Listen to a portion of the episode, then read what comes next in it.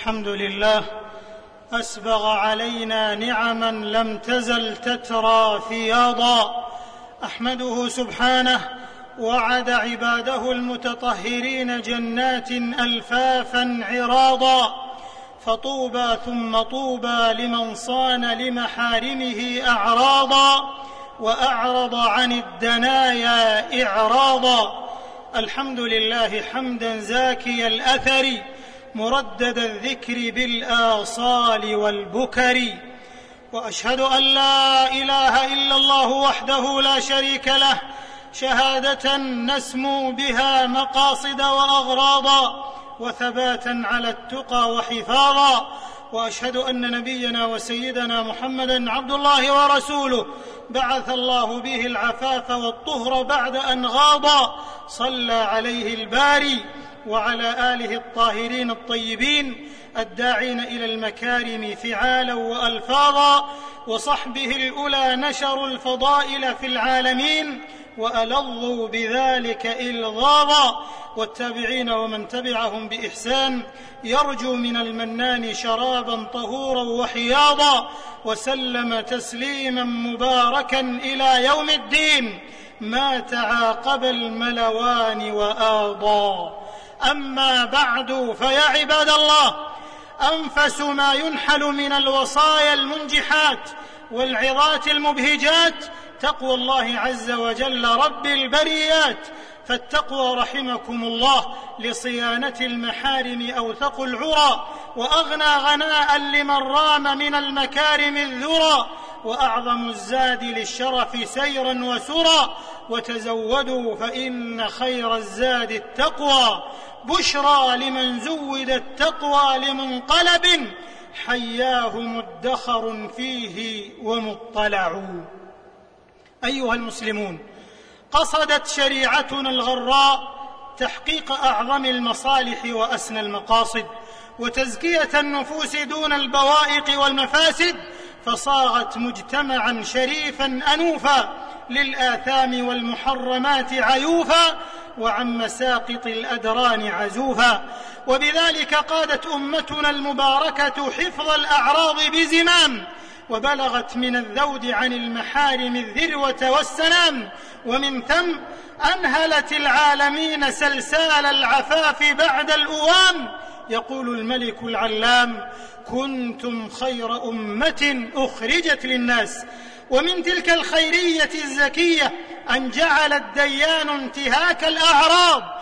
قرين الشرك وقتل النفس المعصومة يقول جل اسمه والذين لا يدعون مع الله إلها آخر ولا يقتلون النفس التي حرم الله إلا بالحق ولا يزنون ومن يفعل ذلك يلقى أثاما. فالمؤمن الغيور يؤثر الموت على أن يرد من الخنا أكداره والفوت اختناقا على أن يتنسم اقداره بل إن خدش عرضه أبرق حمية وثار وأرعد واستثار وكان كالقسورة إن ديس عرينه. أو وسم عرنينه. إنها الغيرة الإسلامية والنخوة الإيمانية التي ملأت عليه وجدانه ونفسه وفكره وحسه. في الحديث عن أبي هريرة رضي الله عنه قال قال رسول الله صلى الله عليه وسلم المؤمن يغار والله أشد غيرا. وفي رواية وغيرة الله أن يأتي المؤمن ما حرم الله عليه. رواه البخاري ومسلم. إخوة الإيمان. وفي هذا العصر الطافح مع شديد الاسى اللافح عم التفريط في أرسان العفة والحياء والتصون والإباء ولهث أقوام خلف سراب التحرر. بلها ضرام الإغواء بلها ضرام الإغراء. وأرخى كثير من الآباء والأزواج لمحارمهم الزمام. فلاطفت المرأة الرجل ومازحت وتساهلت في صيانتها وتسامحت بل في كثير من المجتمعات هتكت الحياء فكشفت عن مواطن الفتنة والإغراء دون حرج أو إغضاء وما درت أنها تحارب المجتمع بسلاح الإثارة وتزلق النفوس في أودية الغواية وحمأة الخطيئة. وفي موازي ذلك تمد أوابد من البشر المفترسة وسباع من الإنس الضارية حبائل التحرش وخدع الإغواء لإيقاع الأنفس الطاهرة في الغي الدني والمستنقع الآسن الوبي وإرغام شم المعاطس بتدنيس شرفهم النقي وعرضهم السني. إنها النزوات الطائشات والخيانات الهاصرات التي قوضت حصن الأعراض وكانت عن الغيرة في جفاء وإعراض خصوصا في الإجازات عند المنتجعات والسياحات هنالك وهناك. أصون عرضي بمالي لا أدنسه. لا بارك الله بعد العرض بالمال. لأن اكتساب المال لصيانة الأعراض لا لابتذالها ولعز النفوس لا لإذلالها. رباه رباه. أين فوارس الحياء والحشمة؟ أين ليوث الشرف؟ أين ليوث الشرف والعصمة؟ واحر قلباه إن تبلد الإحساس وهانت المحارم لدى الناس. أيها المسلمون أيها الشرفاء الغير أيها الشرفاء الغير هنا تزمجر الحروف وتصطرخ الكلمات وتتفجع العبارات وتتفجر شآبيب العبرات. حيال اغتصاب العرض والشرف وما جر من كمد وأسف فكم من فتاة فرطت في خفرها فانطفأ سناؤها. وكم من مراهقة أغراها أغلف القلب صفيق الشعور فتحطم إباؤها. وكم من نفس وادعة اجتث صفاؤها وكم من أسر هانئة مزق هناؤها فكانت الحسرات والجراحات والحروقات والنشجات. إن غيمة واحدة قد تحجب شمس السعادة أبدا. فكيف بهاتيك الصواعق والرعود؟ يا هاتكا حرم الرجال وسترهم. قد عشت غير مكرم. عفوا تعف نساؤكم في المحرم وتجنبوا ما لا يليق بمسلم. ويا سبحان الله عباد الله أغاضت ينابيع الغيرة في القلوب؟ وغدت جذوة النخوة في أفول ولغوب وبأخرة تتكسر النصال على النصال في افتراس القاصرات. تلكم الزهرات الزاهرات العبقات الناصعات. وويم الله لئن كان سارق المال مجرما فإن سارق الأعراض رأس الجناه وأكبر المجرمين وما شرع الله الزواجر والحدود إلا لتطهير المجتمعات من كل غوي لدود ولانزجار النفوس عن شؤم تلك الجريمة الباتكة الأليمة كانت العقوبة على سمع المؤمنين وبصرهم. يقول الحق تبارك وتعالى وليشهد عذابهما طائفة من المؤمنين.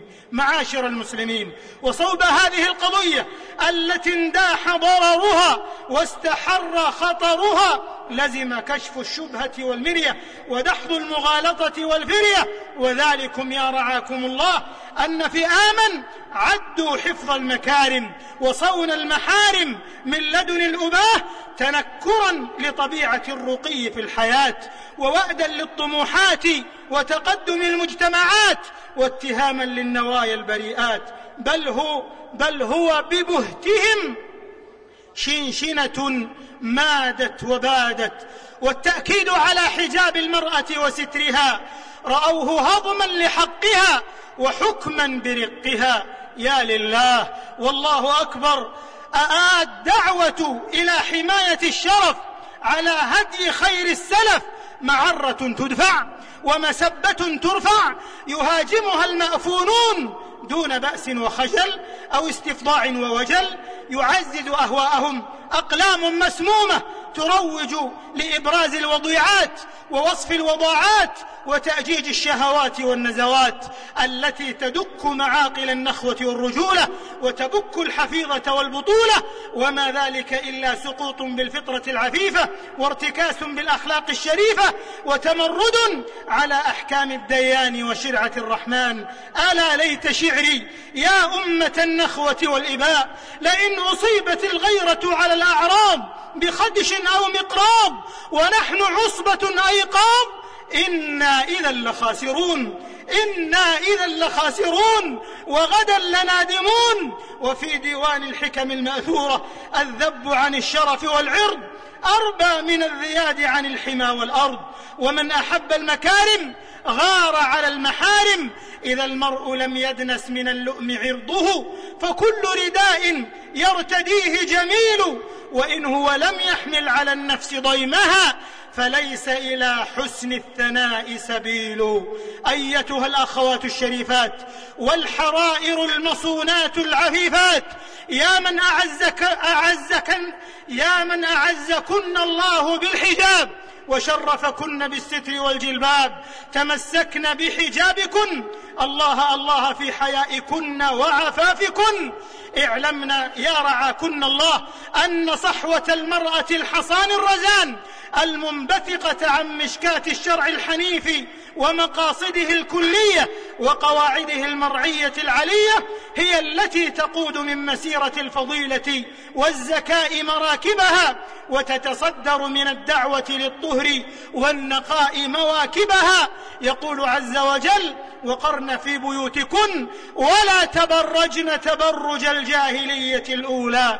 إنه لعمر الحق الخلق الحيي الرفيع الخفر البديع لما يجب أن يكون عليه الأوانس الطاهرات والنساء الفضليات حفظا لفطرتهن النفسية ولطائفهن الوجدانية وتحقيقا للفوز والحياة والعصمة والنجاة. وبعد أمة الإسلام ألا فلنحذر على عفتنا وعزتنا وغيرتنا وكرامتنا من أحلاس الغريزة الخسيسة والنزوات الخبيثة التعيسة التي تع... التي تفتك بالأمن والاطمئنان وتثير الأضغان في المجتمع والعدوان.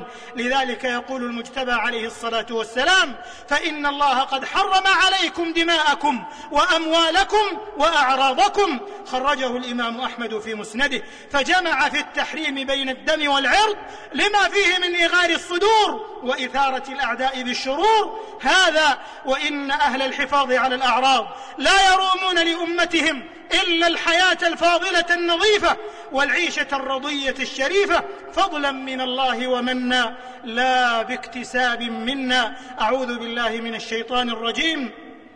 يا أيها النبي قل لأزواجك وبناتك ونساء المؤمنين يدنين عليهن من جلابيبهن ذلك أدنى أن يعرفن فلا يؤذين وكان الله غفورا رحيما. بارك الله في الجهود وحقق أجل المنى وأسنى القصود. إنه غفور ودود. أقول قولي هذا وأستغفر الله العظيم الجليل لي ولكم ولكافة المسلمين والمسلمات من كل الذنوب والخطيئات السيئات فاستغفروه وتوبوا إليه إنه كان حليما غفورا.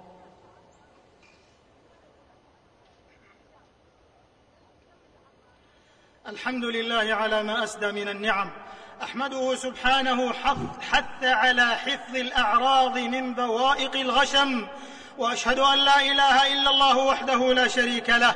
أجزل لأهل العفاف المثوبة والكرم وأشهد أن سيدنا ونبينا محمدا عبد الله ورسوله البالغ من الطهر شم القمم صلى الله وسلم وبارك عليه وعلى آله وصحبه الأندى من زهر الأكم ذوي المناقب السنية والشيم والتابعين ومن تبعهم بإحسان إلى يوم الدين. أما بعد فاتقوا الله عباد الله وصونوا الأعراض عن الريب والتهم تبلغوا من الشرف المروم أسنى القسم ومن تولى بعد فقد زاغ وظلم. أيها المسلمون ومن الرماح الهاتكة لحمى العفاف والاحتشام الدعوة إلى الاختلاط المحرم بين الإناث والذكور الباعث على الشرور والثبور دون إنكار أو اعتراض أو توجيه من الآباء وامتعاض. وكون ذلك بزعمهم من الثقة المحمودة الآثار. ولكن هيهات هيهات لا يصح ذلك إلا لدى الأغمار فخضراء الدمن شرك الفتن ومهوى الحسرة والندم. يقول عليه الصلاة والسلام ما تركت بعدي فتنة هي أضر على الرجال من النساء. متفق عليه. وبحسب غيرة الأبوين يكون الأبناء شجا في الحلق أو قرة للعين. أما منبت الدنايا ومسرح الرذائل والرزايا التي ترشق الشرف والحشمة بمدمر الشظايا فوسائل الاتصالات وأجهزة التقانات وأعمدة المقالات والكتابات وقنوات الفضائيات وشبكات المعلومات التي أججت الغرائز وألهبت الشهوات ولهفتاه كم استطالت وعتت وأتت من عقر الأعراض ما أتت حتى رمت عفاف الأمة عن قوس واحدة. على حد قوله سبحانه أتواصوا به أتواصوا به فيا هؤلاء وأولئك من الوالغين في أعراض المسلمين. كفوا عن أعراض الأمة جشاءكم. ويا ليت هذا السباق المحموم والتكالب المذموم والتباكي المزعوم على قضايا المرأة سخر في نصرة قضاياها الكبرى والمطالبة بحقوقها العظمى والانتصار لها ورفع الظلم الواقع عليها في شتى المجالات. فالله المستعان. ولا حول ولا قوة إلا بالله وإلى الله المشتكى وهو حسبنا في شرف المسلمين وأعراضهم وكفى. وأخيرا إخوة الإيمان فإنه للقضاء على داء انتهاك الأعراض أو التحرش بالشريفات العفيفات. لزم الحث على الزواج والتيسير في المهور لأن الإحصان هو الحل الإسلامي الرشيد.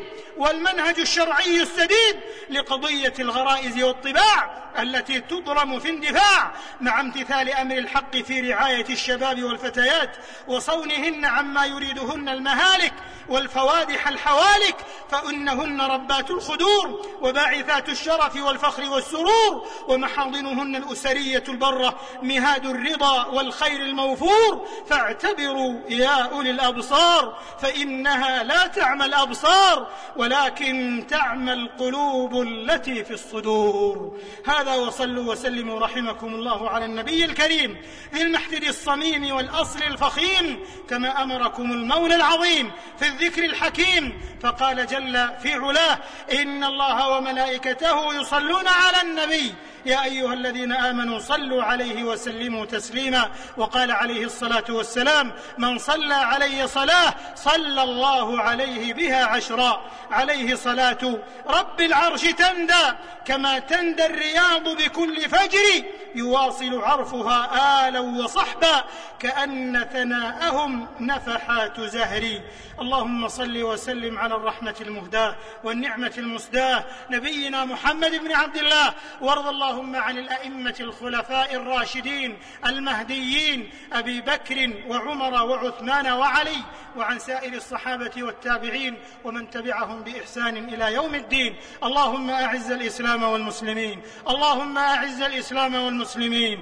اللهم أعز الإسلام والمسلمين. وأذل الشرك والمشركين. ودمر أعداء الدين. واجعل هذا البلد آمنا مطمئنا سخاء رخاء وسائر بلاد المسلمين. اللهم آمنا في أوطاننا اللهم آمنا في أوطاننا وأدم الأمن والاستقرار في ديارنا وأصلح ووفق أئمتنا وولاة أمورنا وأيد بالحق إمامنا خادم الحرمين الشريفين. اللهم وفقه للبطانة الصالحة التي تدله على الخير وتعينه عليه. اللهم اجمع به كلمة المسلمين على الحق والهدى يا رب العالمين. اللهم وفقه ونائبيه وإخوانه وأعوانه إلى ما فيه عز الإسلام وصلاح المسلمين وإلى ما فيه الخير للبلاد والعباد. اللهم وفق جميع ولاة أمور المسلمين. اللهم اجعلهم لشرعك محكمين ولأوليائك ناصرين. يا رب العالمين يا حي يا قيوم يا ذا الجلال والإكرام برحمتك نستغيث. فلا تكلنا إلى أنفسنا طرفة عين وأصلح لنا شأننا كله. اللهم أحسن عاقبتنا في الأمور كلها. وأجرنا من خزي الدنيا وعذاب الآخرة. اللهم فرج هم المهمومين من المسلمين ونفس كرب المكروبين. واقض الدين عن المدينين واشف مرضانا ومرضى المسلمين برحمتك يا أرحم الراحمين. اللهم اكشف الغمة اللهم اكشف الغمة عن هذه الأمة اللهم اكشف الغمة عن هذه الأمة. اللهم أصلح أحوال الأمة في كل مكان. اللهم احفظ دينهم وأنفسهم واحقن دماءهم. اللهم احقن دماءهم وصن أموالهم وأعراضهم يا حي يا قيوم اللهم من أرادنا وأراد ديننا وأمننا وأعراضنا بسوء فأشغله بنفسه ورد كيده في نحره واجعل تدبيره تدميره يا سميع الدعاء. اللهم انصر إخواننا المضطهدين في سبيلك المضطهدين في دينهم في كل مكان. اللهم انصر إخواننا المستضعفين والمضطهدين في دينهم في كل مكان.